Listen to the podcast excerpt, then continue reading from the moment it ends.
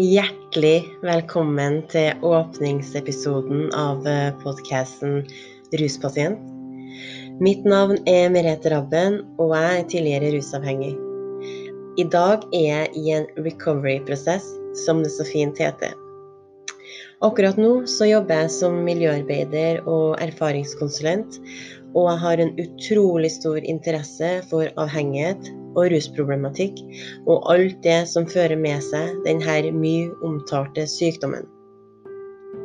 Mitt mål med denne podkasten er å spre viktig kunnskap om avhengighet, og kanskje du tenker litt annerledes om denne sykdommen etter du får høre ærlige og hjerteskjærende historier fra mennesker som har vært nær rusen. Før jeg laga podkasten, visste jeg allerede hvem jeg ønska meg som gjest nummer én. Og grunnen til at jeg ønska meg hun, er fordi at hun er en av dem i Norge som kan mest om avhengighet. Pluss at hun overøser oss med god, solid og hjertevarmende kunnskap som hun ivrig deler videre. Min drømmegjest er Rita Nilsen, og hun har sjøl slitt med en avhengighet i mange år. I dag har hun vært rusfri i 25 år, og hun har brukt 24 av de årene på å få en medisinskfaglig bakgrunn. Hun har en fordypning i avhengighet, atferd og atferdsforstyrrelser som er skapt i barne- og ungdomsår, kriminalitet som livsstil og sjelesorg. Hun har skrevet seks bøker og bidratt med to andre. Rita jobber hovedsakelig i dag gjennom nettsida si ritanilsen.no, hvor hun holder kurs, gir rådgivningssamtaler og sjelesorgsamtaler for mennesker som sliter litt i hverdagen. Hei, kjære Rita Nilsen. For Hei. en ære at du vil åpne denne podkasten sammen med meg. Jeg gikk lenge og håpa på at du skulle være første gjest, så velkommen hit. Takk. Eh, du er jo en av dem i Norge som har fordypa deg ganske så mye i avhengighet. Ja. Så i dag tenkte jeg at vi skulle dykke ganske dypt inn i det her sammen med lytterne. Så først, mm. hvilke ord skal man helst bruke i dagens samfunn? Eh, eller er alle betegnelsene OK, sånn som narkoman, rusmisbruker, rusmiddelavhengig osv.? Fordi at en del ansatte er jo sånn i dag at de vil ikke bruke ordet bruker lenger. De vil helst bruke deltaker osv. For de mener at bruker er så ja, At det ikke passer seg da, til pasienten. Så hva tenker du om, om forskjellige ord? og Altså, Hvis du er eh, innunder et helseforetak, altså hvis du er i behandlingsopplegget eh, innafor et helse, om det er spesialisthelsetjenesten eller primærhelsetjenesten, mm. så er du jo en pasient. Da har du jo pasientrettigheter. Mm. Altså når jeg hadde kreft, så var jo jeg en kreftpasient. Mm. Ikke sant? Eh, ja. På Oslo universitetssykehus. Mm. Men så kunne jeg være på da trening, sånn fysisk trening, pusterommet. Ja. Eh, som var eh, da et treningsopplegg med både fysioterapeuter og annet, da, som var i, sammen med Altså vi ble jo henvist fra eh, legen, altså fra Ahus. Mm. Um, og da var jo jeg en bruker av det tiltaket. Mm. Sånn at, at jeg, jeg, blir um, veldig sånn Jeg syns det går bort veldig mye tid til mm. sånn ordkløyveri. Ja. ja sånn at uh, hvis f.eks. Uh, du er på et lavterskeltilbud, da, uh, hvor du får uh, mat og kanskje en dusj, eller de tar vare på posten din, altså det er jo Frelsesarmeen har jo den type ting. Da er jo det en bruker av tiltaket Urtegata til, mm. altså, til deg. Sånn at, eh, og jeg skjønner ikke hva som er problemet med det. Jeg skjønner heller ikke hva som er problemet med å være en pasient når du er i behandling. Jeg, jeg mm. skjønner ikke det.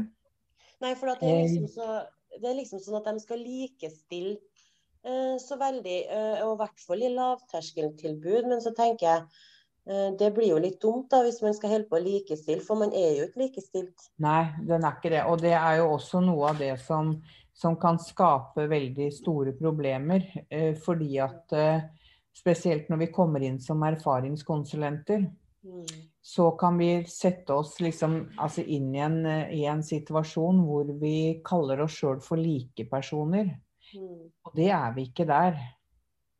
Eh, når du er ansatt og, og har eh, altså krav på deg i forhold til arbeid du skal utføre, så Mm. er du ikke likestilt med en som er hjelpesøkende. Mm. Du er ikke det.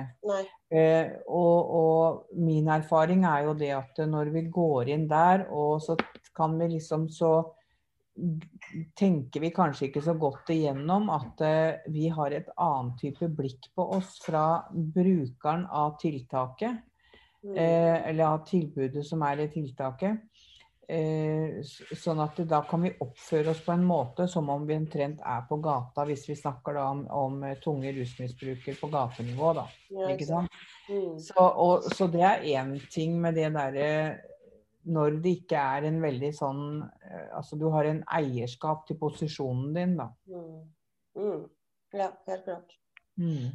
Så det store spørsmålet, da, eh, særlig til eh, pårørende, kan jeg tenke, eh, hva er en rusavhengig, og hvordan blir man avhengig av rus? Å, å, kjære! Det er et kjempestort spørsmål. Ja. Eh, eh, igjen så kommer vi til dette her ordkløyveriet. Altså, for det første så er jo nå eh, eh, ruslidelse det, det er jo eh, det blir jo definert som en sykdom nå. Det er jo avhengighetssyndromet. Det er jo en diagnose eh, som benyttes, ikke sant. Sånn at Ja, så det, er jo er en sykdom. For det er jo, vi har, jeg føler vi har gått fram og tilbake i mange år nå. Nei, det er ikke en sykdom. Dere får ikke lov til å kalle det en sykdom, fordi at dere gjør det mot dere sjøl. Ja, altså det, det, det At Den som uttaler seg på den måten der, bør kanskje begynne å plukke fra hverandre hva de sier. Ja. Eh, eh, nå er det det at eh, avhengighetssyndromet, da, som det der heter, og da kan du ha et avhengighetssyndrom i forhold til eh, heroin, amfetamin, alkohol. Altså Mm. Eh, det er jo litt forskjellig, da. Eh, eh, men prinsipp, altså det, er, det går jo ut på det samme. At, eh, og det er definert som en forstyrrelse. Akkurat på lik linje som schizofreni og bipolar lidelse. Eh, borderline personlighetsforstyrrelse. Psyko, Mm. altså forskjellige psykoselidelser, da. Ikke bare schizofreni, men Mm. de er i samme manualen Mm. diagnosemanualen som, som avhengighetssyndromet. Mm. Eh, og og eh, for, å kunne, for å kunne forstå dette her, så må du jo da Du må jo ha en veldig stor for, kunnskap da, om Mm. hvordan kropp og syke henger i sammen. Altså kropp og syke og miljø henger i sammen. Mm. Eh, når, som jeg pleier også å bruke, fordi at jeg har jo både hatt kreft, og jeg har hatt, blitt hjerteoperert, og jeg har hatt skjelett som har måttet eh, justeres på. Ja. Um, så det, det, er jo, det er jo sykdom, ikke sant. Mm. og så, og så ehm, Jeg er jo ikke kreften min. Nei. Nei, jeg er ikke diagnosen min. Mm. Jeg skal ikke defineres ut ifra lidelsen min, eller sykdommen min, eller forstyrrelsen, eller hva pokkeren den kaller det. For Mm. jeg er et menneske, og så Mm. har jeg en lidelse som, eh, som ødelegger mye for mange. Mm. Eh, sånn at eh, når jeg liksom sier rusavhengig, eh, hvis vi skal drive med ordkløyveri, så kan vi jo begynne der, da. Altså eh, Jeg hører liksom eh, det derre med, med rus og psykiatri, det, det snakkes jo om i ett, altså sånn i, i samme veiven. Og så Mm. ser du da den, rus, den som har misbrukt rusmidler, de vil jo ikke ha på seg at de har en psykisk lidelse. Og de som har en psykisk lidelse, eh, de vil jo ikke assosieres med, med de som har et rusproblem, ikke sant? Nei, sant. Eh, så, så, dette her er et veldig stort spørsmål. Altså. Det er et kjempestort stort spørsmål. Mm. Hva er en rusavhengig? Ja, det vet jo ikke jeg. Eh, Mm. jeg vet ikke hva Nei, jeg gjør ikke det. Altså, jeg vet om mennesker som av ulike årsaker har misbrukt psykoaktive stoffer. Mm. Eh, som da er alkohol, narkotika og medikamenter. Mm. Og så har vi da eh, Du kan jo ruse deg på veldig mye annet også enn psykoaktive stoffer. Du kan ruse deg på ekstremsport. Du kan ruse deg på Altså få en stemningsendring, som da vi snakker om når vi snakker om det med å innta psykoaktive stoffer også.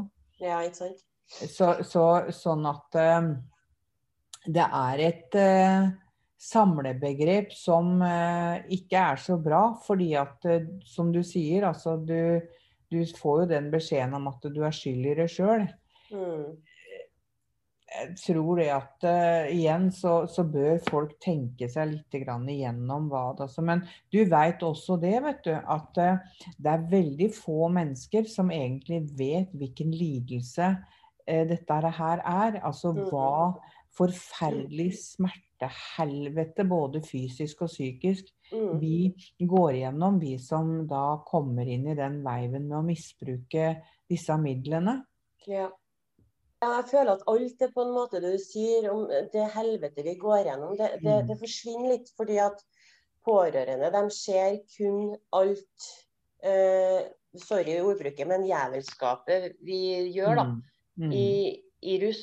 Mm.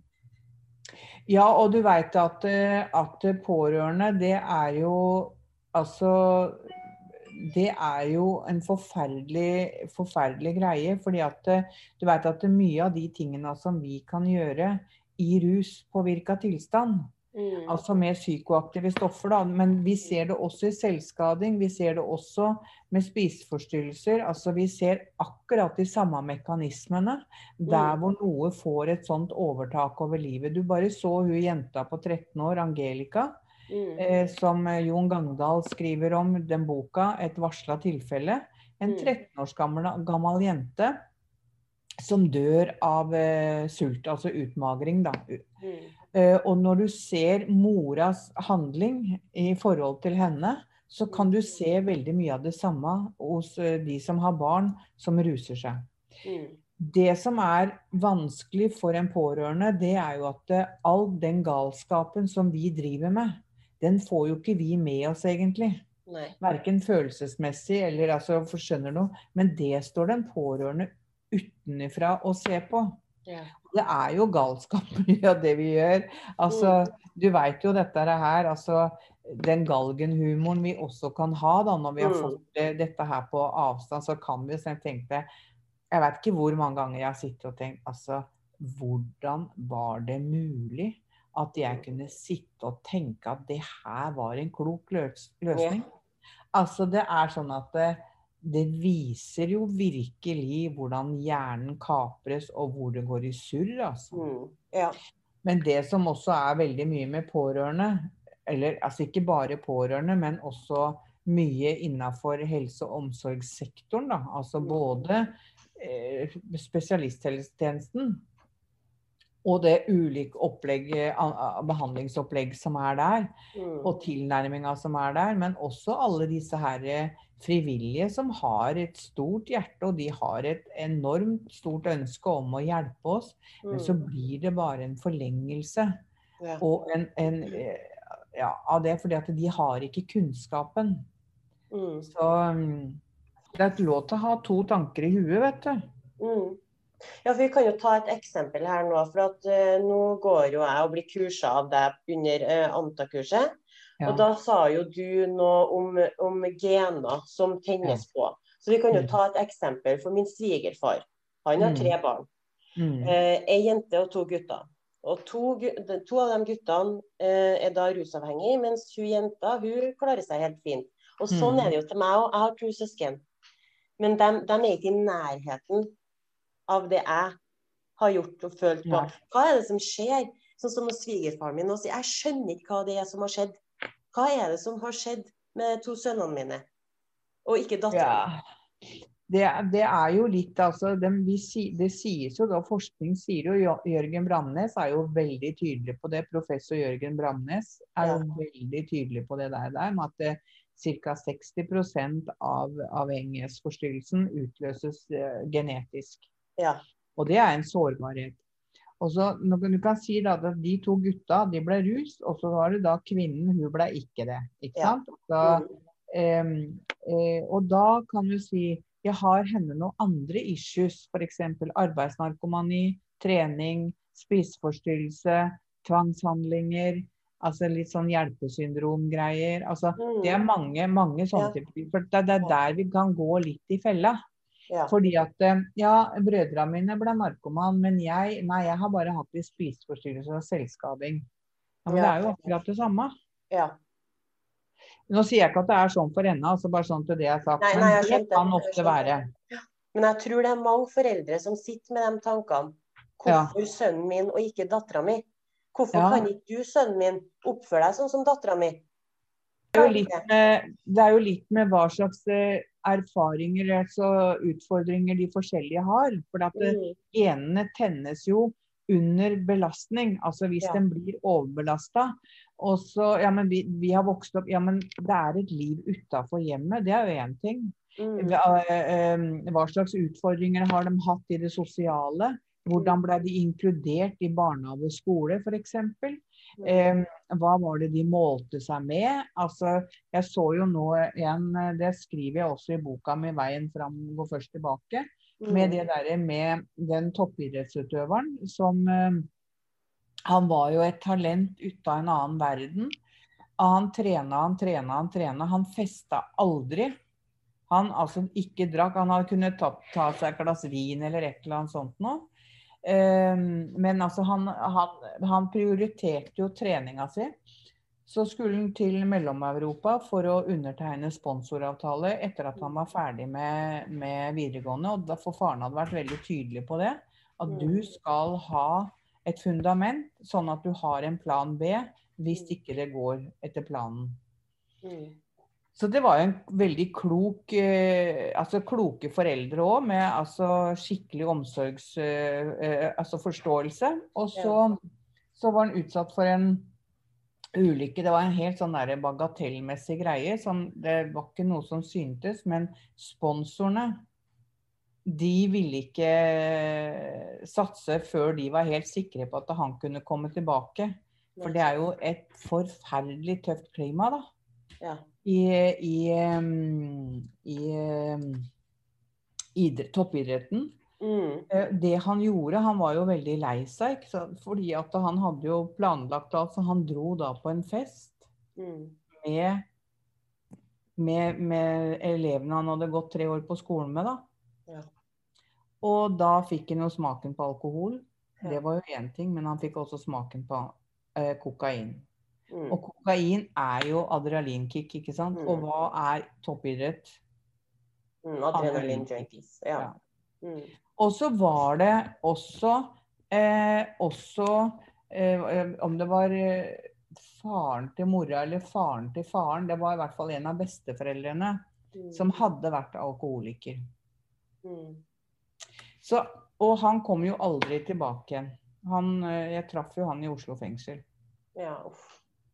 Han, han kom jo ikke tilbake, og han havna jo på amfetaminkjør. Og, og du veit amfetamin, det er jo kriminalfremmende. Men det som var det såre der, det var jo det at én fest i en litt sånn sår tilfelle, et sårt øyeblikk, Mm. gjorde at uh, genene antageligvis ble tent. Og Mm. så satte, uh, satte avhengighetssyndromet seg i gang, da. Og da Hvis ikke du har nok kunnskap da, eller altså eh, folk som kan, eh, som kan hjelpe deg da, til å stoppe det, så, så er du fanga, vet du. Helt til den dagen du sier at nei, dette skal ikke jeg bruke livet mitt til. Dette går ikke. Ja, for du lærer jo oss veldig mye om gener og, Mm. og hormoner. Mm. Og hva som skjer i kroppen og hodet når man prøver å bli nykter. Og jeg kjenner jo, jeg blir jo sint og lei meg på en og samme gang. fordi at i min behandling så lærte vi jo ingenting av det her. Nei. Der er det jo størst fokus på at ikke rør dere der. Hold deg nykter nå.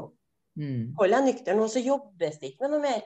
Vi Nei. har jo dere vanlige psykologtimene hvor du snakker om barndommen opp, da, men ingenting av det du sitter og lærer. Så hvorfor er ikke det Hvorfor er Nei, altså du vet at dette her er ikke så jævla interessant heller, vet du. Altså jeg syns jo det her er veldig spennende. Ja, men det skulle jo vært obligatorisk.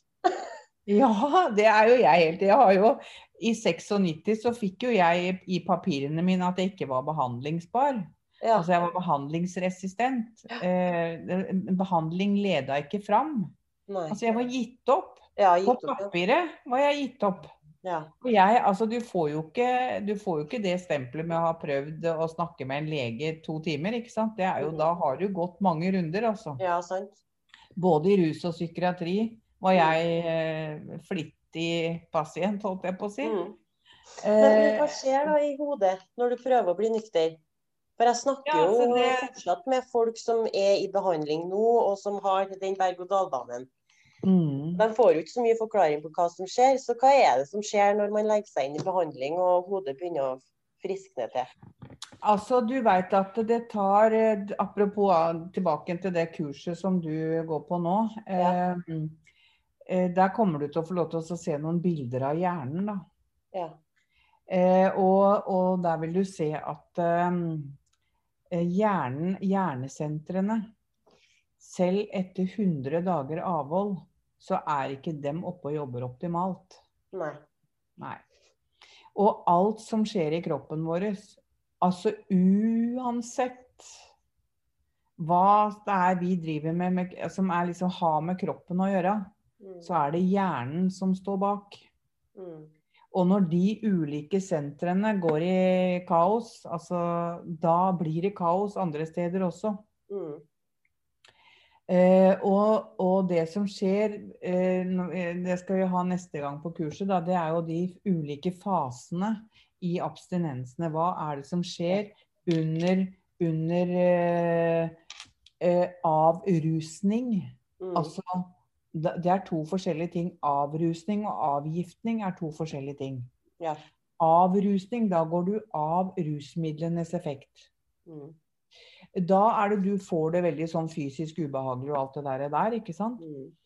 Og fordi kroppen, da har jo du tilført ting som har påvirka både endorfiner og dopamin og serotonin og alle disse her. Det har jo du putta inn utenfra. En helt unaturlig vei for kroppen. Altså den skal ingenting sånn skal komme derfra. Alt kommer innenfra. Så da, hvis For å bare forklare det sånn veldig enkelt, da, det, for det er jo kjempe Som du så på kurset i går også, så så du jo det der som professor Mørland hadde Nei, eh, Bramnes hadde Alt disse her eh, hormonene og, og signaleffekten og alt det der, signalstoffene og det der. Men det som skjer, det er at kroppen stopper jo å produsere sitt eget smertelindrende stoff. Mm. Og det tar tid før at hjernen skjønner at det kommer ikke noe uten, inn, derfra nå inn. Nei. Og da har du det kjipt, da har du det vanskelig. Altså Hadde ikke vi hatt den smerteterskelen vi har, så hadde vi ikke kunnet gå på bakken engang pga. smerte. sånn at det, For det er jo det som skjer med smerteterskelen vår. Og så etter hvert så skal jo da hjernen stabilisere seg. Mm. Og så, da, da er det viktig, altså i den stabiliseringsfasen der, så er det viktig at du har det trygt og godt, og at du ikke utsettes for veldig mye stress utenfra. Mm.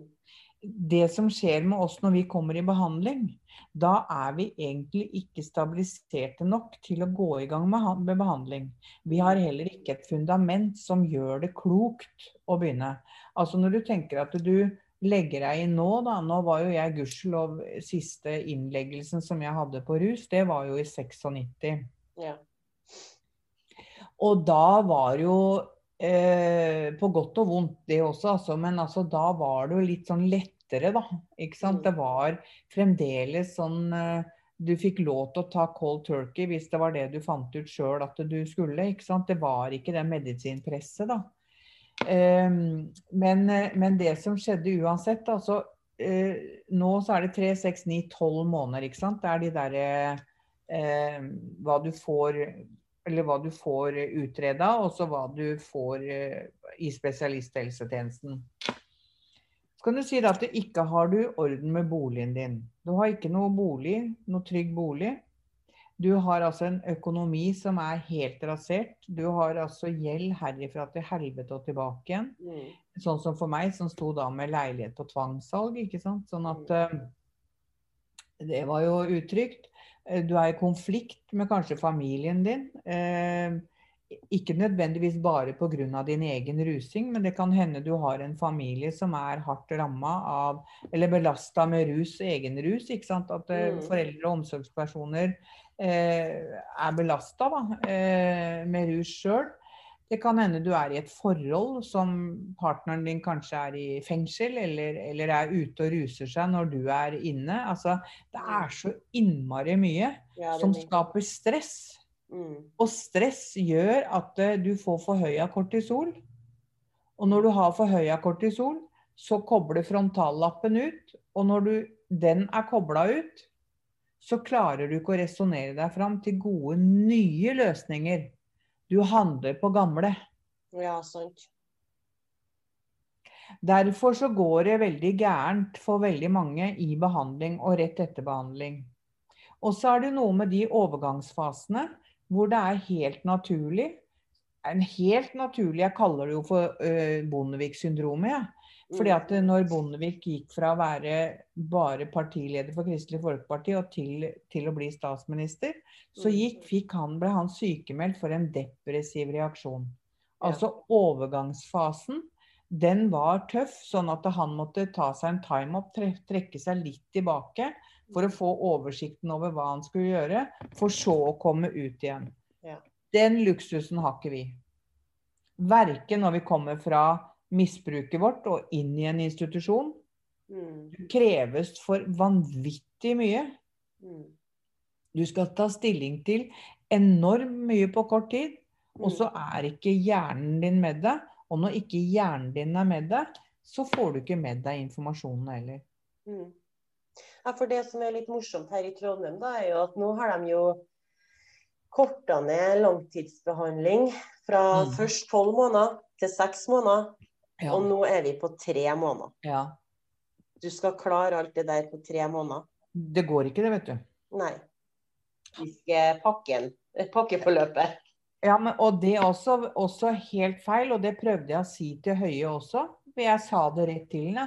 Du kan altså ikke bruke pakkeforløpet for kreftpasienter som en mal for ruspasienter. Nei, og jeg fikk jo sjokk når du sa det, for det visste ikke jeg.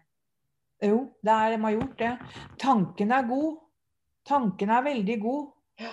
Men det er bare at det, en, som regel så har en kreftpasient, som regel, Mm. de aller fleste tilfellene, så har kreftpasienter det meste på stell. Mm. Eh, den har altså ikke stjålet eller rana eller eh, prostituert seg eller altså noen verdens tingen i forkant. Mm. Den kan mange ganger Den har Jeg sier altså Nå snakker jeg sånn derre ruspasient som da har hatt en tøff bakgrunn. Ja. Hvis de tror at eh, vi skal kunne klare å nyttiggjøre oss, for det er det her det er snakk om Vi klarer ikke å nyttiggjøre oss tilbudet som er der. Fordi Nei. vi har ikke med verken kropp eller syke sjøl. Mm. Så derfor sier jeg at det, det er kjempebra. Alt er veldig bra. På papiret. Men gå ut i det levende livet, så vil du se at det er helt annerledes. Sånn som nå som jeg hadde det psykiske nervesammenbruddet, holdt jeg på å si. Jeg fikk jo en virkelig smell. Mm. Etter 25 år eh, som nykter, så fikk jeg en, en, eh, en retraumatisering eh, som eh, var ekstremt tøff. Og så blei det veldig vanskelig å håndtere, for det var så mye som skjedde i forkant. Så, og så ramla jeg tilbake inn i et veldig mørkt høl. Mm. Hadde jeg ikke vært klar over mekanismene i, altså dynamikken i avhengighetssyndromet, så Mm. hadde jeg tatt imot piller f.eks. av legen. Mm. For det er ikke naturlig å sitte så psykisk syk som det jeg var, Nei. bare for et halvt år siden. Det er ikke Det er ikke det er, det er ingen Det er ikke naturlig i det hele tatt. Nei. Mannen min eh, han har jo posttraumatisk stresslidelse pga. han var i Vietnam. Sånn at Mm. han har det jo samme, men ikke Det utløses jo ikke av det samme som det jeg gjør, da. Nei, sant. Så han, han visste jo veldig godt det der med å ikke stresse og ikke plage meg og alt dette her. Og, og jeg ble tatt fysisk ut av landet. Eh, sånn at eh, altså, jeg, kunne jo ha reist på fjellet òg, det er ikke det. Så jeg trenger ikke å reise til USA for å bli frisk, liksom. Mm. Men jeg, det å bli tatt fysisk ut av den situasjonen som Mm. utløste dette her, det var jo det som har hjelpa meg. Og Ja, den distansen. Og så har jeg en lege som har vært helt fantastisk, fastlegen min. Som har fulgt meg hele veien med det der at medisiner er ikke et tema.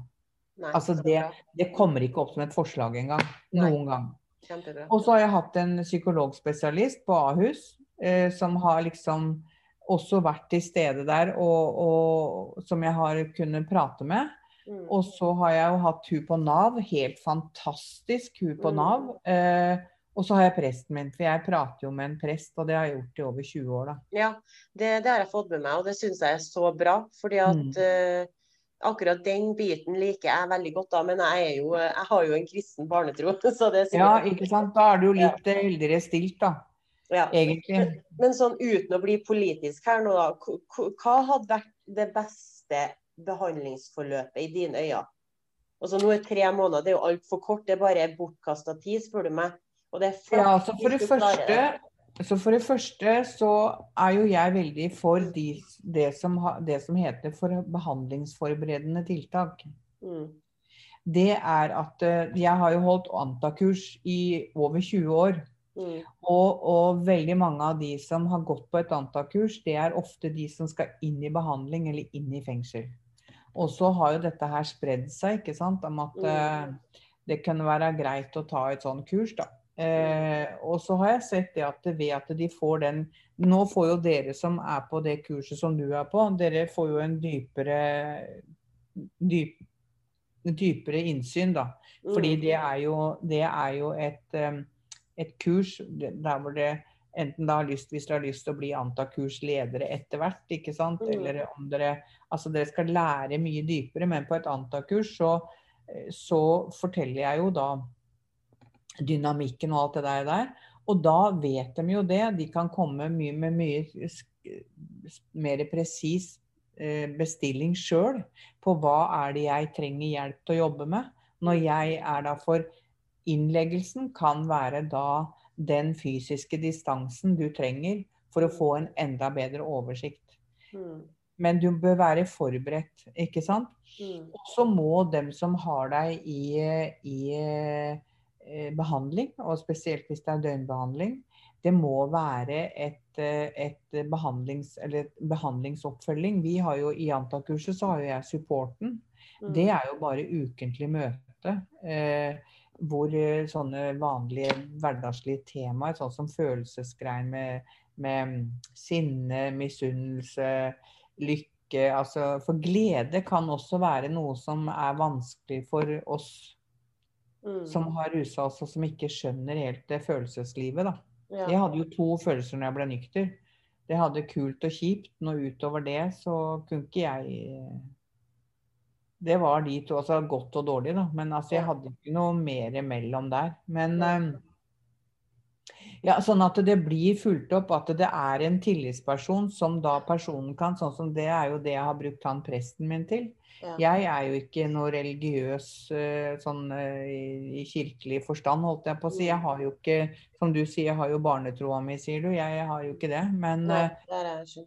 Ja, så, så, men allikevel så er jo han eh, en fantastisk person da, som kan Ja. ta meg imot. Og det jeg deler med han, det er jo ikke noe som blir skrevet ned i noen journal. Også fordi han har fulgt meg i så mange år, så er det klart at han eh, kan eh, liksom minne meg litt på de svakeste punktene mine, da. Mm. Og det er jo sånn jeg sjøl jobber også nå, med, med, med individuell oppfølging. For jeg har jo sjelesorgsamtale. Jeg er jo utdanna sjelesorger. Ja. Vet du, jeg syns det virka så interessant, så jeg søkte faktisk etter et sånt kurs, men det er lite av det i Trondheim. Ja, du har Nei, du må inn til Oslo på Vid. Ja, jeg fant ut. Mm. Ja. Mm. Så det får bli en senere gang. Ja, men det er, det er det er fantastisk, altså. For at jeg sto Jeg hadde fått en, noen prispenger, sånn at jeg sto liksom sånn Skal jeg ta og velge psykologi, eller skal jeg velge Hva skal jeg velge? Så sa jeg jeg, skal jo ikke jobbe som terapeut. Jeg skal jo ikke jobbe Det er jo ikke det jeg vil jobbe med. Jeg, jeg, jeg liksom Jeg vil ikke ha den tittelen, sånn at jeg blir terapeut. Fordi terapeut, det syns jeg det er et veldig stort ansvar i min verden. Eh, sånn at jeg er liksom mer sånn at jeg kan være i forkant, og så kan jeg være i etterkant hvor For det vet, jeg veit ikke hvor lenge har du vært nykter? Eh, to og et halvt nå. To og et halvt år. Mm. Så veit du at jo lengre tid du går nykter, Mm. eh, jo klarere blir jo historien din for deg også. Og, og det er jo mange vanskelige ting som kommer opp. Altså liksom Det er som jeg sier, at jeg sitter liksom altså, Er det mulig? Kunne, altså, hvordan kunne jeg finne ut at det her var det klokeste jeg kunne liksom altså, Så det, så er mye sånn der galskap og mye sånne vonde tingen. Både hva jeg sjøl har utsatt andre for, men også hva jeg sjøl har vært utsatt for. ikke sant? Og da trenger vi å ha noen å snakke med Mm. som forstår eh, Altså, det er jo det du har gjort. Det er jo ikke gjort av ondskap. Det er jo kanskje ikke det de menneskene Jeg holder jo kurs for eh, tilknytnings- og relasjonsproblematikk. Mm. Det, er, det, er et, altså det var en som hadde vært i Telemarksbataljonen. Han var jo narkoman, han. Han, eh, men han hadde vært der, da. Og, og han sa at han hadde vært i mange helvetesuker, men altså den der uka med, med relasjons- og tilknytningsproblematikk, det var den største helvete han hadde vært igjennom. Ja, såpass, ja. Fordi at da måtte han jo deale med sine egne følelser. Det var jo ikke oppgaver her ute han skulle løse. Mm. Altså liksom gå inn i brennende hus og alt. Det var jo ikke sånne type tingen. Eller lære seg opp til å se folk som var skutt i filler og sånn. ikke sant? Det var jo ikke det. Det var jo noe med at han skulle deale med sine egne greier. Mm. Og han hadde jo utvikla Om han var genetisk sårbar på dette, det vet ikke jeg. Men han hadde, etter at han kom hjem fra var det Libanon eller et eller annet sånt eh, fredsbevarende oppdrag, så, så var han altså så traumatisert at eh, da var det bare alkohol. Mm. Som også, og så gikk de over til narkotika pga. lukt og sånn. vet du. Det er jo mange som bruker narkotika som Mm. gjør det for at det ikke skal lukte. At det tilsynelatende fungerer dem. Ja, ikke sant. Ja, for jeg har jo gått barnevernsutdanninga. Ja. Og jeg syns jo det at tre år på høyskolen og det du lærer av der med rus, det er jo veldig sånn overfladisk læring, Mm. egentlig. Jeg syns ikke det holder. Altså, jeg, må, jeg er veldig hard når det kommer til sånne ting. For jeg mener de at er det en dårlig behandlingsplass, så er det bortkasta tid med bortkasta liv. Det er derfor jeg er så hard på at jeg mener det må mer kunnskap inn, og det må flere erfaringskonsulenter inn på behandlingsplassene.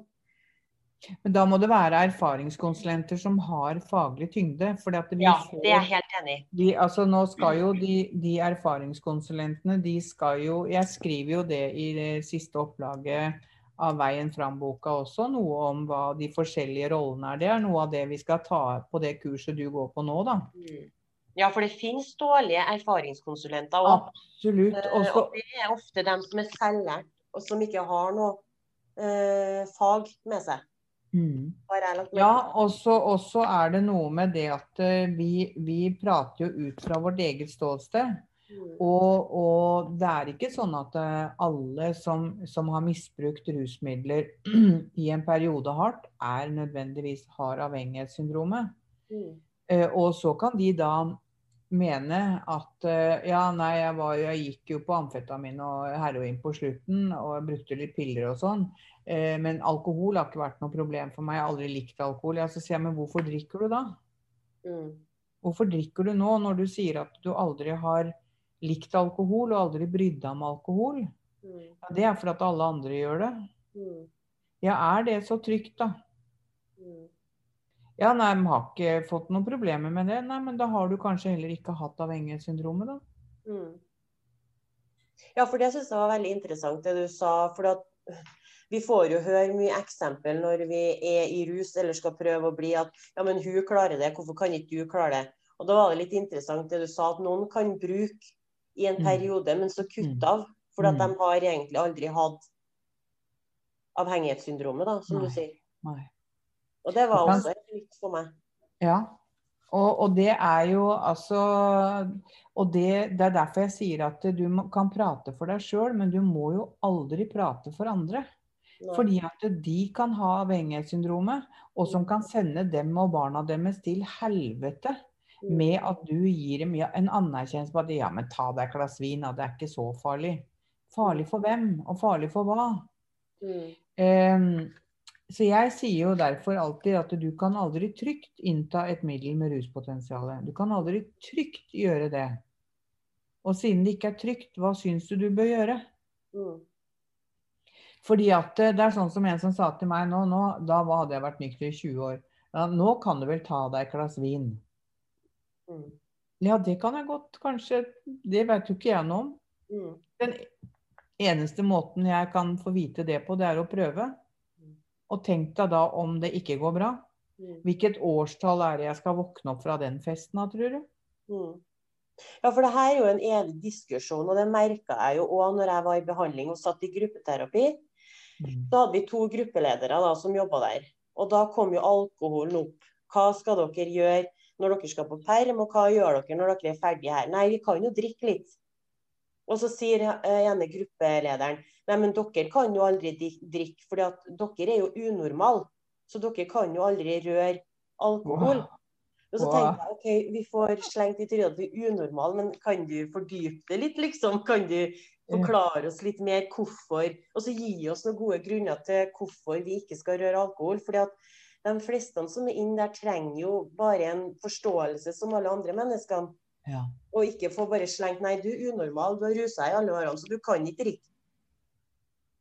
Jeg syns det er så viktig at gruppeledere som driver sånn der gruppe, vet hva de snakker om og kan noe svar for seg, da.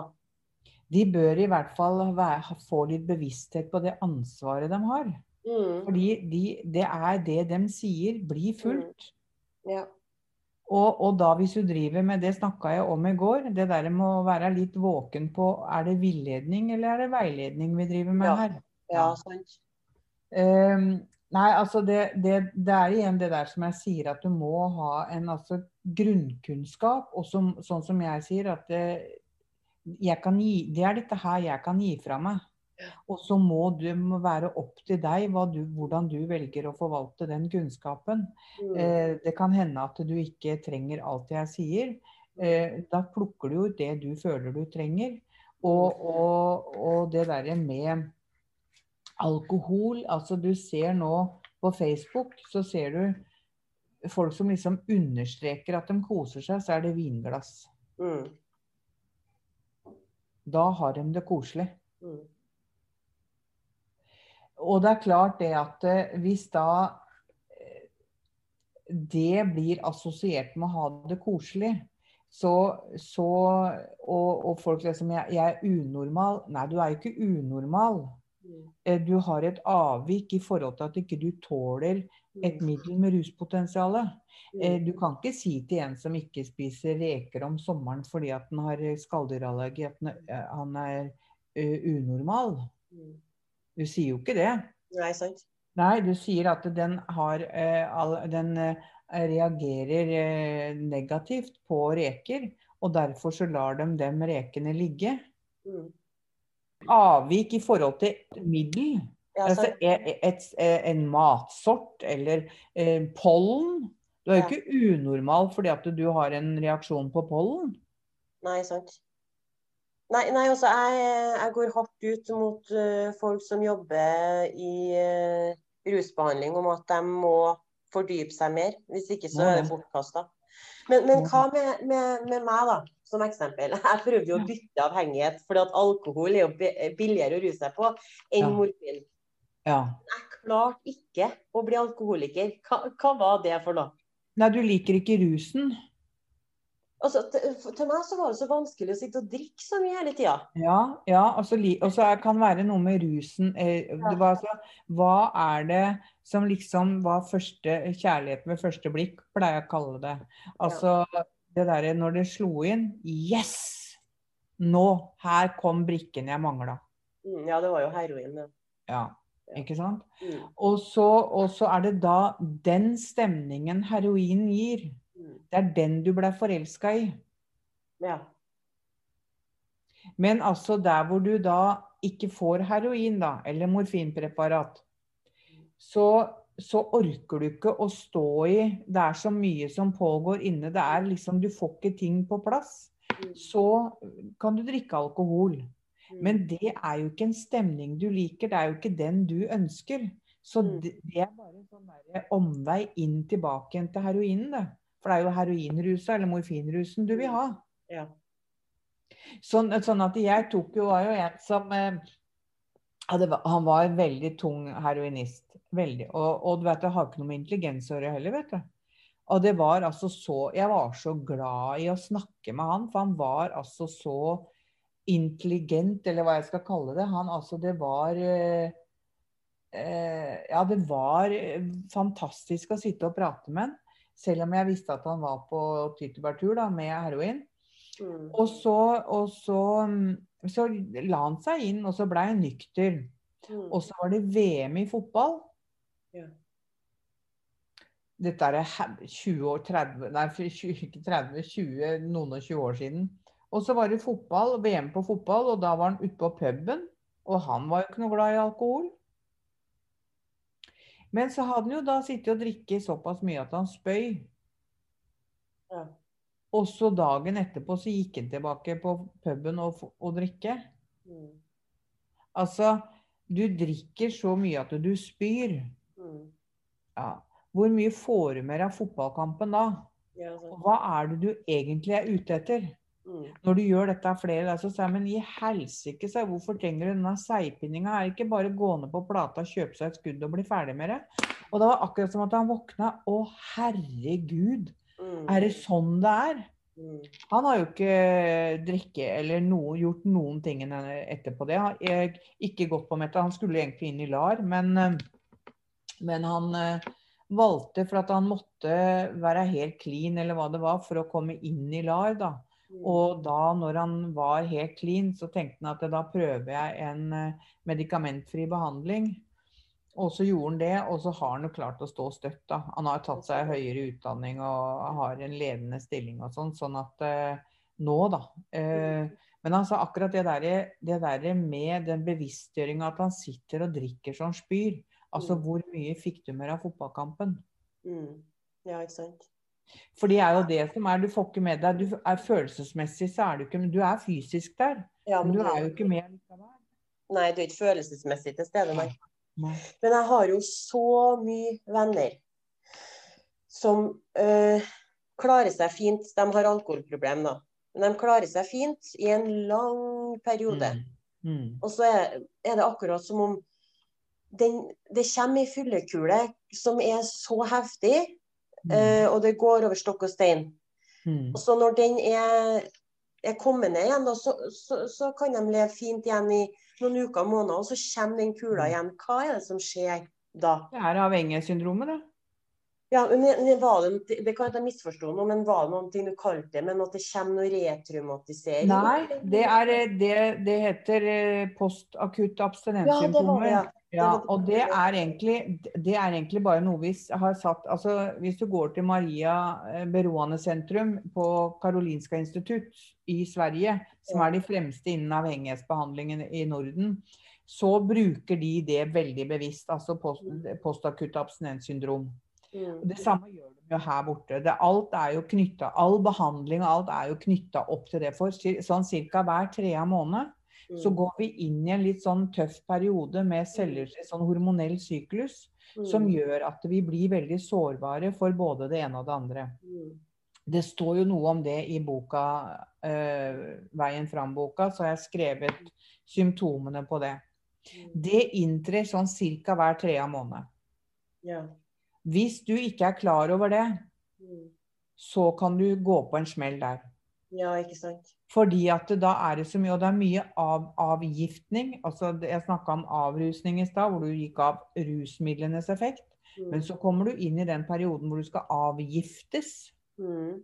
Og da skal altså vevene dine, cellevevene og alt dette her, det skal avgiftes. Og da eh, er det jo mye sånne triggere som også kan være i forhold til det. Mm. Men vi hører det med alkohol, så sier at periode, er ikke alkoholiker, men er perioderanker. Ja. Alle er periodedrankere. Mm. Det er bare at vi har litt lengre og kortere perioder med aktiv misbruk og hvite perioder. Men når vi kommer til periodedrankere, så kan vi omtrent ta tiden på dem. Det er innafor tre, seks, ni måneder. Det er innafor de der tremånederssyklusene. Jeg er så glad for at du lærer meg det her, for at jeg har jo spesielt en god venn som ringer meg. Og han er veldig ressurssterk og vil så Mm. gjerne klare det her. Det alkohol han sliter med.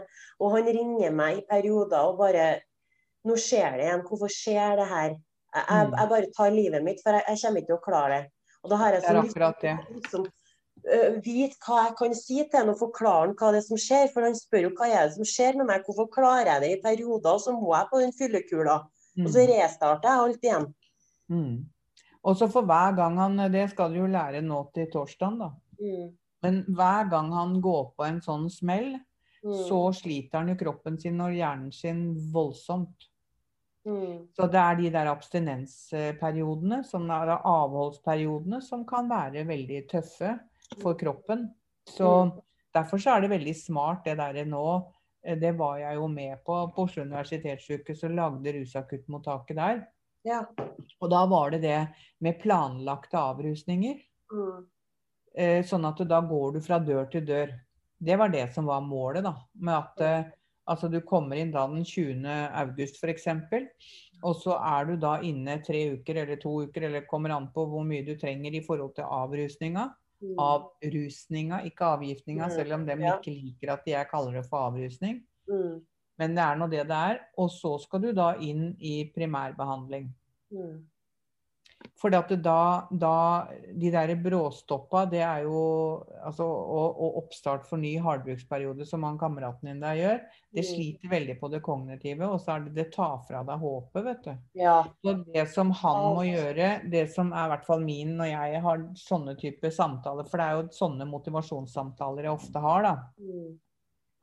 Så, så er det jo litt med for det første også å se på sjøl hva, hva slags triggere er det du har eh, sosialt i miljøet ditt. Altså for det, det kan være noe der. Eh, er det noe spesielt? For at det er kanskje hver sjette måned f.eks., eller hver niende måned, eller, altså, eller hver tredje måned. Jun, altså det kan jo være forskjellig.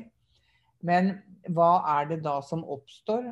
Det, har du vært flytting? Har du bytta noe på jobben? Har du vært i konflikt med partneren din? For det er også i de periodene som det er veldig mye krangling. Ja. For det, det er en av symptomene, det der stressømfintligheten og det der med humørsvingninger og sånn. Mm. Så, så også åh, Jeg vet ikke hvor mange Jeg hang jo denne her i lappen opp overalt jeg, da jeg drev den stiftelsen min. Overalt. For at da synes jeg Å, fy søren, det der, der kjenner jeg igjen. Hva er det for noe? sa de bestandig. Hadde det i fengsel også. Ja. Hang det opp. Overalt. Ja. Fordi at de skal forstå Det her er helt normalt. Mm.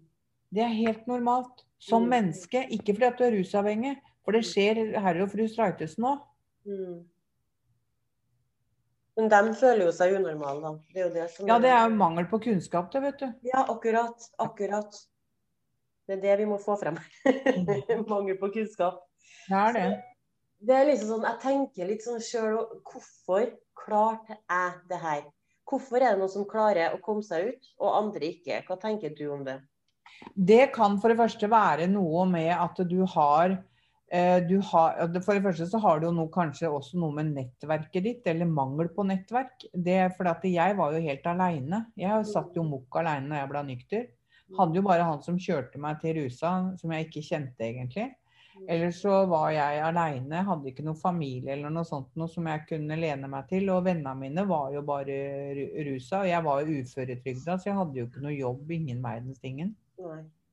Så der brukte jeg eh, altså den ensomheten, da, eh, eller aleneheten, den, den blei jo min eh, greie. For at da kunne jeg gå på et A-møte eller NA-møte. Selv om jeg ikke, ikke fulgte det helt sånn slavisk, da, men at det var noe med at der var det trygt. Der var det ikke rusing, ikke sant. Så jeg fikk vel ikke med meg så veldig mye av hva som skjedde der. Men så jeg, begynte jeg på utdanning, da. Mm. Og jeg hadde jo alltid vært veldig opptatt av det med akupunktur, for mormora mi hadde blitt bra i ryggen på 80-tallet, sånn at jeg hadde vært veldig sånn fascinert av det. Og så fikk jeg jo Nav-akupunktur på rusinstitusjonen jeg var, da. Ja. Men så var det noe med det at da var det jo den derre Jeg orka bare ikke å leve i det derre helvete. Av og på, av og på. Penger frisk, ikke penger sjuk. Det var én ting. Og så, og så, var det at jeg daua jo ikke heller, selv hvor mye jeg prøvde å avslutte denne livet mitt. Og da, med, da, klart, da mente du ikke ordentlig. Så sa jeg at den diskusjonen der gidder jeg ikke å gå inn på engang, fordi du vet ikke hva jeg har drevet med. Mm. Eh, sånn at, eh, og det kan vel kanskje være sånn med deg også, at du, du har liksom noe med at du har et ønske mm. om et annet liv enn det rusen kan gi deg. Og så på et eller annet punkt her så har du hatt folk som har eh, gitt deg de rette orda til rett tid, da. Mm. Ja, for det er det som er så viktig med veien vi går, eh, som jeg har merka sjøl, at du må ha noen nøkkelpersoner. Du må det. Uh, og det er ikke sikkert at de er på den behandlingsplassen du er. Men det er det så viktig at den behandlingsplassen åpner opp for flere dører. da, For du vet ikke egentlig hvor du finner de nøkkelpersonene, eller den personen. Nei, og så er det noe med det som, det som eh, Bestefaren min var jo alkoholiker. altså Jeg er jo 18. generasjon rusmisbruker og alkoholiker i min, min slekt. da, Men, eh, men eh, jeg hadde jo Bestefaren min var jo totalavholdende, for bestemora mi passa jo på det. Så til og med konfekteskene blei jo saumfart av henne før han fikk dem. Ja. Hvis det var alkohol, så var hun livredd, ikke sant. Mm. Så jeg var jo vokst opp med dette her, men jeg hadde jo ikke noe sånn hadde jo ikke noe forhold til det sjøl. Altså at det, det, var noe greier. Altså helt til det var For jeg, jeg, hadde jo prøvd mange rare ting. Og så hadde jeg fått piller av legen. da, vet du, Sovepiller og beroligende piller og allergimedisin og Koselan hostesaft og Altså jeg har jo fått av legen. Da var det jo ikke farlig, liksom. Mm. Eh, og så røyka jeg jo kanskje litt hasj, da. For det hadde jeg jo heller aldri hatt noen konsekvenser av. Sånn, sånn i forhold til hva fylla mi hadde pådratt meg, da. Mm. Så, så, men så var det jo det at jeg trilla jo alltid tilbake igjen til alkoholen. Mm. Eh, altså jeg, hadde, jeg, hadde jo, jeg har jo røyka heroin, så det, det, er jo absolutt et rusmiddel som var eh, hadde vært greia for meg. Men så var det at jeg var jo ikke så ille at jeg var narkoman. Ikke sant? Sånn at jeg mm. hadde jo et bilde på alt dette her også. Mm. Og så var det en som sa da eh, ja, men hvis du i det hele tatt skal liksom komme deg ut av denne hengemyra her, så må du jo drite i alt. Altså mm. om det er fått av legen, eller kjøper det på gata, eller om du kjøper det over disken på polet, eh, så hjelper jo ikke det huet ditt. Altså han hadde jo sånt språk, da. Så da må du jo drite i alt. Altså, Ellers så må du lære deg til å gå For han også var jo på avrusning. Så må du lære deg til at det, liksom, det er sånn det er, altså. Mm. Legger deg når du blir sjuk nok, og så tar du deg noen hvite dager, og så til du blir blank i pelsen, og så går du ut igjen. Så liksom Det er ikke noe mellomting, da. Nei. Og måten han sa det på ja. Måten han sa det på, var altså Oh shit, er det sånn det henger sammen? Ja, sant. Ja, for det er derfor jeg syns det er så viktig at en behandlingsplass har blanding av gode erfaringskonsulenter mm. og uh, vanlige fagfolk, da, for å si det sånn. Fordi at uh, vi trenger så gærent dere sterke motivasjonssamtalene som mm. kanskje ikke eh, vanlige mann i gata kan gi oss, da. For mm. ofte har jeg sittet i samtale med uh, hovedkontakten min på behandlingsplassen, og så har jeg mm. bare tenkt hva er det hun der egentlig snakker om? Mm. Vi er ikke på samme planet i hele tatt. Ingen av de ordene hun gir meg, treffer meg. Nei. Vi må ha ord som treffer. Må det. Mm. Må det. Og så er det noe for at det har noe med at det gir håp. Mm. Og vi er nødt til å ha mm. folk som kan gi oss håp. Mm. Uh, og det er derfor jeg liksom sånn, I forhold til deg som har barnetro og sånne type ting, Mm. da, så, så, så er det liksom sånn innbakt der med at du har en tro. Du Mm. har en sånn grunnleggende tro på at Mm. det skal eh, gå seg til. Og i det ligger jo også håpet om at du holder ut når det er tøft og vondt og vanskelig. Mm. Eh, du, du veit at i enden av dette her, så går det seg til. Det er tøft. Det er derfor jeg sier at det var en som sa nå at eh, Fy faen, det står jo innmari respekt av det du har gjort, Rita. Du har vært liksom nykter i 25 år. Det er veldig mange som ser opp til deg i forhold til hva du har klart, i forhold til hva som er bakgrunnen din og historien din, ikke sant. For den er jo ikke pen, den heller.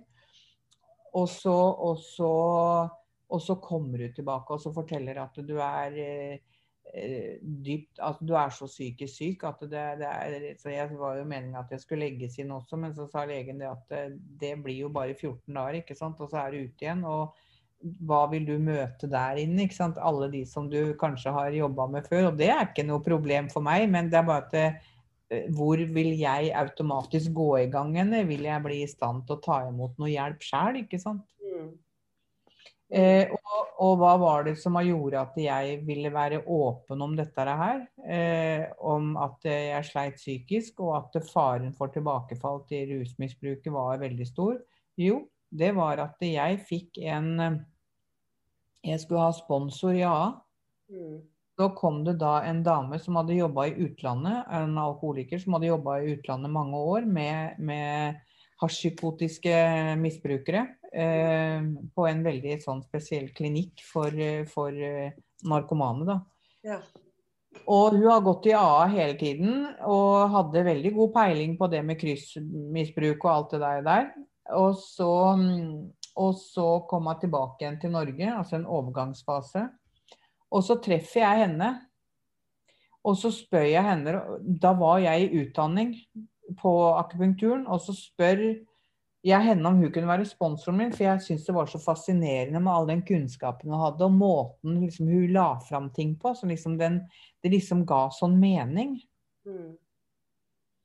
Og så Nei, sa jeg, kan nok ikke være sponsoren din, sa hun. «Eh, Men jeg kan være kontaktpersonen din. Mm. Så lenge du har behov for det, så kan jeg være det. Ja. Ja, så tenkte jeg ja, det høres jo greit ut, tenkte jeg. Og så, så sa hun til meg hver eneste gang vi snakka sammen, hver eneste gang Rita, husk på det. Du er ikke sykdommen din. Nei, du, du er ikke terapeut. Nei. Du er et menneske, og du har en dødelig sykdom. Ja. Og så sa det, så tenkte ja, vet du hva, sa jeg, nå har jeg hørt det mange nok ganger. Nå har jeg fått det inn, sa jeg. Nå har jeg, nå, nå har jeg fått med meg det at jeg er ikke en terapeut. Mm. Jeg er et menneske, Mm. og jeg har en dødelig sykdom. Mm. Ja, glem det aldri, sa han. Mm. Og, og, og, og vær ydmyk i forhold til sykdommen din. Mm. Ha respekt for den, for den tar deg. Mm. Ja takk, sa jeg. Det har jeg fått med meg. Ikke sant? Så kjepphøy, ikke sant. Ja, det trengte jeg ikke å fortelle meg. Mm. For det hadde jeg fått med meg. Jeg rusa meg fra jeg var ti år. Så det, det Ja. Og så plutselig så får jeg greie på at hun er død. Hadde drukket seg i hjel på seks måneder, hun. Å, hallo. Hun hadde vært eh, nykter i 15 år eller 17 år eller hva eller, ja, det, ja, Vi sier 15 år, da. Eh, Ja. nei, hun hadde jobba på den klinikken i 15 år. Ja. Og så, hadde hun vært nykter i 17. Og så drakk hun seg i hjel. Når hun kom tilbake til Norge, så takla hun ikke overgangen. Og så hadde hun jo så Hun, hun var terapeut, og da skal du ha, skal du, har du ikke noe å lære, liksom. ikke sant? Så, så det å vise den siden med at eh, selv med all den kunnskapen og all det der, der, så slår sykdommen din til, altså. Mm. Derfor så, og, og for, for oss så er det da hvorfor bruker du? Det er ikke interessant at du bruker, men hva var det som utløste det? Mm. Ja, ikke sant. Og det, der sier du noe ekstremt viktig, for igjen da tilbake til behandlingsplassen min. Mm. Jeg reagerte jo veldig på det at når det var noen av pasientene som var ute på sprekk, Mm. Og de kom tilbake, og det her har Tyrili gjort i mange år, og det fungerer. Da setter de seg i gruppe, og så finner de ut hva var det som skjedde, hva var det som leda opp til det at du gikk og rusa deg. Men Mm. på min behandlingsplass på Trondheimsklinikken så sa de det at når vi kom tilbake, så skulle vi ikke sitte i noen gruppe, for det ble for ekkelt for oss. Jeg, jeg tenker sånn at du må finne ut med dine medpasienter og snakke om det. Hva var det som skjedde? Ikke bare gjemme det bort. Ja, da tenker jeg sånn, sånn Hva var målet? Hva var målet ditt eh, med å være i behandling? Ja, det Mm. var å bli rusfri. Ja, hva var det som gjorde at du bomma på målet denne gangen her? Mm. For jeg syns Tyrili eh, jobber ganske bra med det at når du er ute på sprekk og kommer tilbake, så sitter du i gruppe og snakker om hva det var som leda opp til det. Ja. Fordi det Og, og det er jo mange som også har uh, ulik erfaring med Tyrili også. Uh, og andre, andre behandlingsformer. For det, de sier jo det at vi som har posttraumatisk stresslidelse, vi skal ikke være utsettes for, eh, for konfronterende terapier. Mm. Og vi skal heller ikke drive med konsekvenspedagogikk. Mm.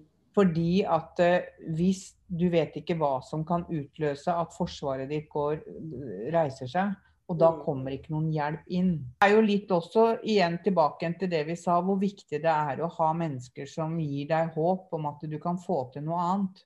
Mm. For det var at når du begynte å ruse deg, så kan du ha én grunn til hvorfor du begynte med det, og så er det en annen grunn til hvorfor du fortsetter. Den Mm. ene grunnen er jo for å selvfølelsen. Det å, å, å kunne få til ting som du ikke klarer helt når du er rusfri. Mm. Også hvis du er da disponert for avhengigheten genetisk, så fortsetter du jo fordi at da har jo sykdommen tatt over. Mm. Da er du helt ute av stand til å stoppe i kraft av egen vilje. Ja. Da må du ha hjelp til den avstanden og avholdet for å kunne få oversikt. Mm. Men hvis du da Jeg, jeg, jeg holdt jo foredrag for Nav, 350 Nav-personer, ansatte. Så sier jeg da ikke ta fra dem rusen hvis det bare har Nav å tilby. Det var jo noen som lo, da, for de skjønte bildet. Mm. Men det at hvis du da altså tar fra det som har gitt nervesystemet ro, og så setter du inn tiltak som bare skaper eh, redsel og angst, så må du skjønne at det her ikke går. Mm. Det er derfor vi snakka om i går det der med det må være en skikkelig utredning. Og er det noe jeg er for, så er det grupper. I Mm. bøtter og spann. Mm. Eh, fordi at det er gjennom, men det skal være en rolig Sånn som når jeg har support, nei, når jeg har Anta-kurset, så er jo det en forelesning. Det er ikke terapi. Mm. Og så har de da opp, jobber med oppgavene som er i Veien fram-boka, Mm. eh, sammen med en veileder eller noe sånt noe. Og du vet at det, det som skjer der, det er jo ikke, nesten ikke at de jobber med oppgaven, men den samtalen de har seg imellom. Mm. Hvilke utvekslinger. De liksom Ja, og sånn opplevde jeg det. Ja, så, og så plutselig Ja, sånn har jeg aldri sett det. Det er jo Mm. det som er så fantastisk med Mm. Ja, jeg ser på det som å å motta en liten gave fra de andre. Da. Absolutt. Absolutt. Og hvis du, nå, nå ga jeg dere et hint om, eh, om den derre Per Føyn, den derre um, eh, psykodynamisk eh, behandling for ruslidelse. Ja. Han er jo den som har jobba mest med grupper. Per Føhn i landet vårt. Han har vært, han har vært veileder i, for de som skal bli gruppeledere. Og han har bygd opp hele sikkerhetspsykiatrien i Norge. ja, såpass, ja. Ja. Og han er jo liksom Det er bare grupper. Eh, og så er det selvfølgelig der hvor du skal bryte Det er sånn som de som har hatt overgrep, spesielt menn, eh, som da ikke håndterer at de har vært utsatt for overgrep eller har vært barneprostituerte Det var det som vi snakka litt om i går. Barneprostituerte i rusen. Mm. Det vil jo ikke komme opp i en gruppe. Men det er de nødt til å få snakke om, fordi at eh, følelsen overgrepet altså Det er jo ikke selve overgrepet, men det er følelsen sånn hvis du kommer inn med beinhard konfrontering til en Mm. som har vært utsatt for overgrep, så er det du setter den i en posisjon hvor den ikke kan forsvare seg. Fordi Mm. du er autoriteten. Mm. Og de vet ikke hva du kan finne på som en autoritet. Og så, så retraumatiserer de går tilbake igjen i overgrepssituasjonen. Mm. Hvor de da ikke hadde muligheten til å forsvare seg, ikke til å stikke av, ikke kunne fortelle det til noen. For overgriper legger igjen et visittkort at hvis du gjør det, så kommer barnevernet og henter deg. Eller da eh, kommer den og den i, altså blir borte fra Så det er mange sånne typer ting. Så derfor så er det så veldig viktig med hva vi holder på med. For vi Mm. vet, hvis ikke vi kjenner historien til den vi, vi jobber med. For vi vet ikke hva slags posisjon vi setter den i. Mm, sant. Og når jeg jobber med voldsavhengige, altså de som utøver vold og som får kick av vold i fengsel, så er dette her nesten uten unntak en av grunnene til at de utøver, utøver vold. Mm. Og at det når de grisebanka overgriperen og seira liksom med mestringa der, men også seire over der, så er den følelsen, den er så Du kan tenke deg mange år med et barnesinn som har gått og vært redd, ikke sant. Mm. Det er jo helt forferdelig. Men du Rita, nå er vi snart ved veis ende her. Eh, Kunne ikke du ha sagt litt om eh, de kursene du driver med? Altså Anta-kurset er jo det jeg kaller jeg jo bare et lærings- og motivasjonsprogram. Eh, og det er jo litt med at du får en kunnskap og en læring om de vanlige mekanismene. Det Mm. der med hva som er vanlige reaksjoner i forhold til sånn og sånn. Dynamikken i avhengighetssyndromet. Eh, det at hvis du f.eks. da eh, er en rusavhengig som da har vokst opp med rus, Mm. Så eh, For det som vi ser nå, da, det er jo det at symptomer blir ofte behandla. Altså blir sett, da. Ikke behandla, men besett. Hvis du har spiseforstyrrelser, så blir du oppfordra hele tida med, med at du skal spise, ikke spise og alt dette her. ikke sant? Hvor mye, hvor lite av det er, Og hvis det er rus, så skal du da ikke eh, kjøpe på gata, men du kan godt få av legen, da, ikke sant? for da har du fått av legen. Så da lærer de noe om disse her mekanismene her, og det med at eh, de har en lidelse de har ansvar for. Altså de, alle voksne mennesker i et visst alder, uansett bakgrunn, så har du ansvar for eget liv. Og, hvis, og Antakurset er med på å gi deg kunnskap, sånn at du blir i stand til å ta det ansvaret. Ja. Har du f.eks. da en oppvekst med rus og vold og dritt og møkk og faenskap, så er det pårørendeproblematikk du skal tilnærmes. Altså, da skal du ikke bli sett på som en narkoman, holdt jeg på å si, eller en alkis. Da Mm. skal du se på hva slags atferd, hvor er det du lærte eh, ting, sånn at den atferden du har nå, er den som gjelder. For den atferd, hvis ikke du endrer atferd, så endrer du ikke noe annet heller, vet du. Nei, sant. Sånn at, og så er det jo noe med det at jeg har jo da kurs også for pårørende en dag, sånn at de får samme innsikten da, som en som har avhengighetsproblematikk. Og det er jo ikke bare på rus, det er jo på mat og sex og porno holdt jeg på å si, og gambling og ja, you name it. Men da er det jo ofte det at eh, de, hvis de har barn, da, spesielt barn, så ser de på seg sjøl som en pårørende i forhold til det barnet. Og så viser det seg at deres pårørendeproblematikk starta når de sjøl var barn. Ja, ikke sant. Sånn at, og da er det noe med bevisstgjøring av det, og da er det det de må jobbe med. Og så, og så lærer de litt med det med forskjellen med selvtillit og eller skyld og skam. da. Mm. Og, og det med, med at eh, avhengighetssyndromet blir jo sett på da som en kronisk lidelse, og at det, vi kan bare jobbe forebyggende. Så det er jo ANTA. Eh, og der er det jo det er jo faste temaer i forhold til det som står i boka. Eh, men så er det det at det, hver gruppe får jo en helt spesiell eh, dynamikk, da, kan du si. For det kommer jo an på de som er i kurset. Så er det et eget oppfølgingsprogram som heter Supporten. Hadde det vært innafor for eh, behandling, så hadde det hett ettervern. Men, eh, men eh, Anta er jo bare kurs. Så det er en supportgruppe, og der sier vi 45 uker pluss. Og vi har holdt én supportgruppe i ti år, sånn at det plusstegnet, det kan jo være ymse. ja.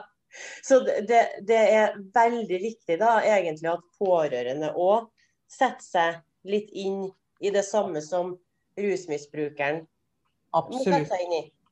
Absolutt. At de møtes litt på halvveien, egentlig.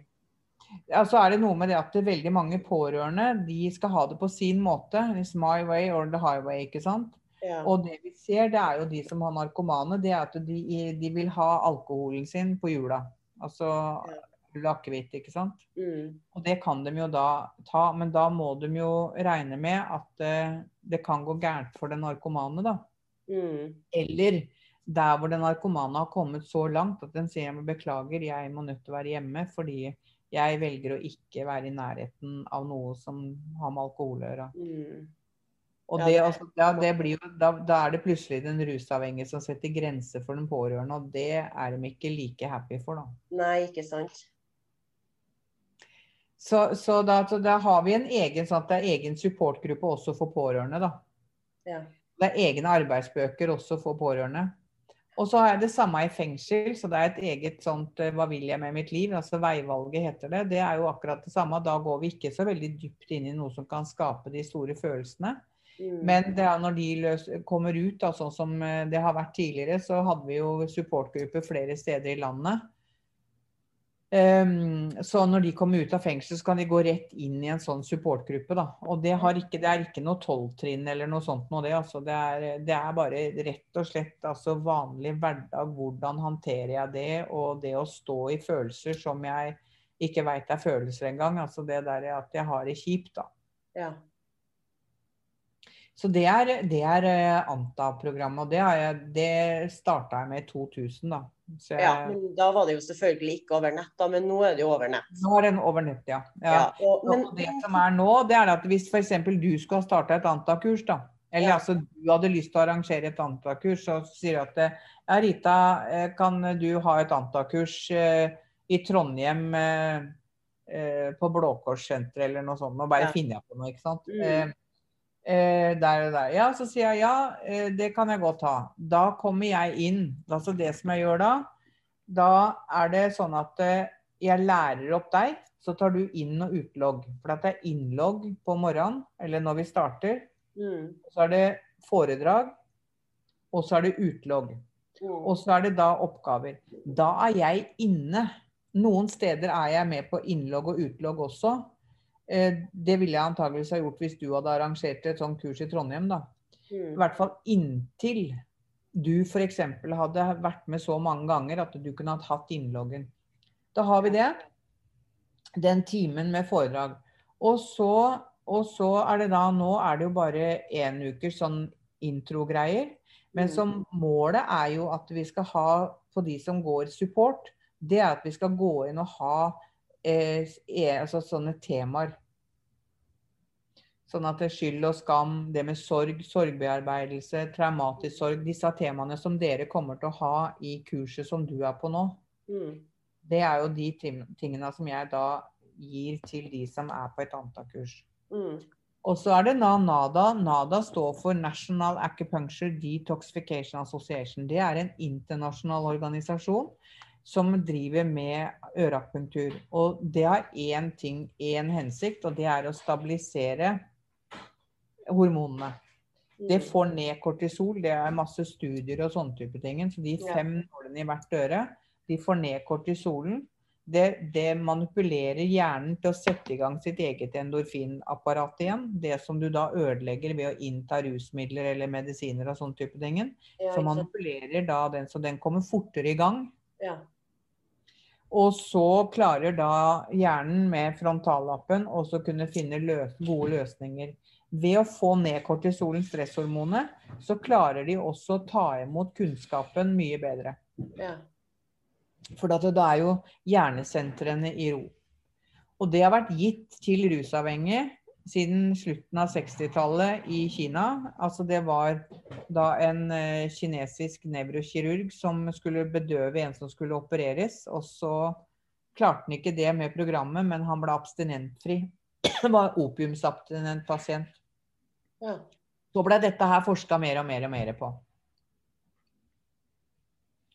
Det ligger en, Hvis du går inn på nadanorge.no, Mm, så vil du se det er en film som heter eh, Do- Dope, Dope is Death. Det er historien til Anta, da. Nei, til Nada, akupunkturen. ja. Det, det gis eh, gjerne eh, em, både i avrusning altså, og sånne typer ting, men det gis også sånn, sånn, eh, sånn støttegreier i forhold til medikamentfri behandling. Ja. Da brukes B-vitaminer. Og, og Nada er veldig fint, da. Ja, for jeg har jo sett at uh, du har noen, noen som du trener opp i Nada òg, som du har utplassert litt uh, utover landet. Ja, jeg har en nå, hun, hun som hadde første sertifikatet, som ble første sertifisert. Ja. Første sertifiserte i, i, i Nada Norge, da. Hun er jo i Trondheim. Eh, Jeg hører jo du ofte snakke om at du har hatt så gode veiledere. Ja. Hvor har du funnet dem hen? Nei, Altså, det, er bare, det har bare vært lærerne mine, det, vet du. Altså, akupunktøren, Ja. han var jo Det var jo læreren min i akupunktur. Men du veit at, eh, at jeg satt vel der som et sånt altså, De var jo genuint opptatt av det de holdt på med. Ja, Altså, det, var, det er sånn som jeg kaller jo dr. Schmidt, som utvikla Nada, kaller jo han for lutefisken min. jeg. Ja. Fordi at det er, altså, han, var, han var en person, enten så likte hun, eller så likte hun ikke. ja, sant. Det noe. Det kan gå an. Det, for det, det var ikke der. Altså, og, og det, folk sier men du er jo veldig direkte da, Rita. Ja, men jeg har jo for faen ikke noen annen måte å være på. Altså, jeg, jeg har ikke noen annen måte å snakke Men så tenkte jeg, hvis jeg er direkte, da, da skulle dere ha hørt på dr. Smith. Oh shit! Altså, han vet du hva han gjorde for noe? Vet du hva skal jeg fortelle deg hva han gjorde? Han tok imot uh, praksis. altså Her i statene så må du være lege eller klassisk akupunktør fra statene. Det hjelper ikke min eh, utdanning fra Danmark eller Norge. Og, og det er for at vi må ha medisinskfaglig bakgrunn også. Det holder ikke bare med å ha tatt et, sånt kurs, da. Og der, når vi kom dit, uh, så fikk alle en lapp, traineer, og så fornavnet vårt. Ja. Det var det. Tok han oss i at vi fortalte de som vi ga akupunktur, eh, tittelen vår, så fikk vi ikke sertifikatet. Da måtte vi reise hjem, og så kunne vi komme igjen tilbake igjen når vi var klar. Ja. Fordi at det, det, fordi at det har noe med at det, det er uvesentlig for pasienten eller mottakeren hva vi er i yrket. Når Ja. vi skal være hjelper for Mm. akupunktur, som er et nonverbalt program. Mm. Der, der skal du ikke snakke. Nei. Så var det det som var, vet du. Det var jo det at han hadde jo ansatt Han visste jo hva han ansatte òg. Det var jo ikke tilfeldig hvem som var rundt og passa på oss, da. Nei. så var det sånn lita rotte, så ut som en sånn lita rotte sånn eh, fra Puerto Rico. Hun snakka ikke engelsk. Hun forsto jo det, hun snakka sikkert også, men hun snakka ikke amerikansk. Not bare portugisisk, nei, sånn eh, spansk, eller hva det var for noe. Og hvis hun hørte at vi sa hva vi jobba med, til en av de som var der, Ja. så fløy ikke hun rett opp til dr. Smith og tysta, ikke sant. Ja, sant. Og så ble vi sendt hjem. Det var en psykiater som ble sendt hjem. Men hva skulle dere svare, da? Og så skulle dere Vi, vi var treniere. Altså vi Ja. var i prakti, praksis. Hva Det var vi det dere skulle det var, det var, vi var praktikanter. Ferdig. Og, og mannen min han er jo gått på amerikansk skole, og når jeg var der, skulle inn på grupper og sånne type ting, så leste hun der opp hva vi skulle gjøre og hva vi ikke kunne gjøre i undervisninga der. Med ikke spise, ikke drive med Walkman, det var Walkman den gangen, da, og så sånne type ting. Og så sier, kommer vi inn til doktor Smith igjen, og så sier eh, dr. Smith ja, hvordan syns dere det var? For han var jo liksom sånn tent, vet du. Mm. Jo, sier mannen min, han, eh, han syns jo det var veldig spennende, men han syns det var litt dårlig gjort av elevene ikke høre på læreren, da. Mm. What? Han var liten og tjukk, vet du. Ja. Og så What, what, what, sa han, vet du. Ja, nei, hun sitter jo og leser opp alt dette her de ikke skal, så sitter de jo og gjør What? Og så tenkte Jan å shit, hva er det jeg har gjort nå? ikke sant? Og så ser jo han der lille tjukken, han piler ut, ikke sant. Ja, så kom han tilbake. Ja, nå har jeg snakka til henne. Så var det læreren som fikk kjefta. For det var hennes oppgave å få deltakerne til å høre på det hun hadde å si. For Ja. den kunnskapen som hun kom med, det var viktig for dem. Mm. Ikke for henne, men for dem. Mm. Og da skulle hennes jobb være å få dem til å høre på henne. Mm. Så da hadde han rydda opp. Ja. Mildt sagt. Hvorfor jeg kaller han for lutfisken min? Altså Det å få han på nakken, det glemte du liksom ikke, da. Nei, sant. Men du Rita, kursene dine kan vi jo finne uh, på sida di. Ritanilsen.no. Rita ja. Det er jo da det Anta. For da, det, jeg er jo mest kjent ut fra mitt eget navn. Der Mm. ligger det vel også, nå er jeg ikke helt sikker på hva som ligger, men der, det, der blir det også lagt inn akupunktur, nada-akupunkturen. For nå Mm. har jeg Det er jo fantastisk. Det er jo kommet herfra nå. Ja, Mm. jeg, jeg har jo snart vært her et år, jeg. Ja. Eh, og nå har jeg jobba med trainers, trainers-programmene her i staten og sånn, og nå, Mm. nå er det jo bare over nett, vet du. Det er to dager med teori over nett. Ja. Og så er det assistenter rundt om som tar nåltreninga. ja. Så det er kohorter inne på det. er NADA, eh, USA, Filippinene og India som da mm, har utvikla dette her. Men, men hvordan er det nå ellers nå, Rita? For du har jo vært en skikkelig gullklump når du bodde i Oslo. Og du Mm. hjalp jo mange mennesker. Men hvordan er det nå da når du bor i USA og kun er på nett? Er det sånn? For jeg tenker mange ganger å herlighet, du skulle ha snakka med Rita. Å, du skulle ha snakka med Rita. Folk sender folk til deg, eller er det liksom kun Ja. kursene du har nå? Nei, det, det går for at jeg har individuellsamtaler, men det koster penger da, vet du. Ja, sant? Så jeg har individuellsamtaler stort sett på, eh, på tirsdagene. Det var, nå har jeg jo dere på torsdagene. Ja. Det det er jo mange som sliter om natta. Mm. At Nå er jeg også tilgjengelig på norsk tid natta. Ja, sant. Det er jo Jeg, fantastisk. altså når Med en gang jeg får green-carden min, Ja. så kommer jeg til å reise. Jeg har jo kontor i Oslo. Ja. Men jeg har ikke et dagsenter sånn som Retretten var. Det har jeg jo ikke. Du Men, så men da, eh, utenom kurs òg, bare at Det er samtale, ja. Ja, men det er jo Det er samtale. at du tilbyr det. Og, det også, det blir jo fordelen nå, da, som jeg får lov til å utdanne flere folk også innafor NADA. Ja. Så, for det, det her blir veldig, dette her blir veldig spennende, altså det som jeg kommer til å gjøre nå. fordi at eh, da, eh, da kan jeg bidra med det som jeg vil nå. Det som jeg kjenner. Og det er f.eks. også Som jeg sier, hvis, hvis du nå tar NADA-sertifikatet og du har lyst til å undervise i, i ANTA, da, ikke sant? Og, og ha grupper, ikke sant? supportgrupper, det er enten deltakerstyrt eller, eller lederstyrt. Det er jo sånn, Vi har jo hatt lederstyrte. Mm.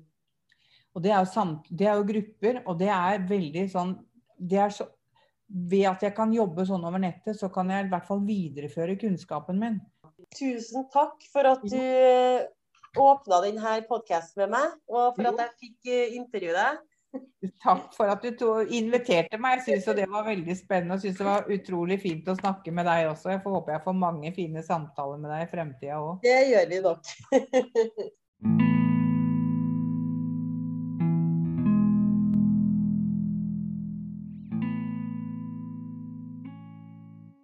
Takk for at du hørte på denne podkasten. Har du lyst til å dele din historie om det å være en rusavhengig, pårørende eller det å jobbe med ruspasienter? Ta gjerne kontakt med meg. Helt til slutt så vil jeg rekke en stor takk til Anette Hummel, som er Dola-student og har podkasten 'Graviditet, fødsel og tiden etterpå'.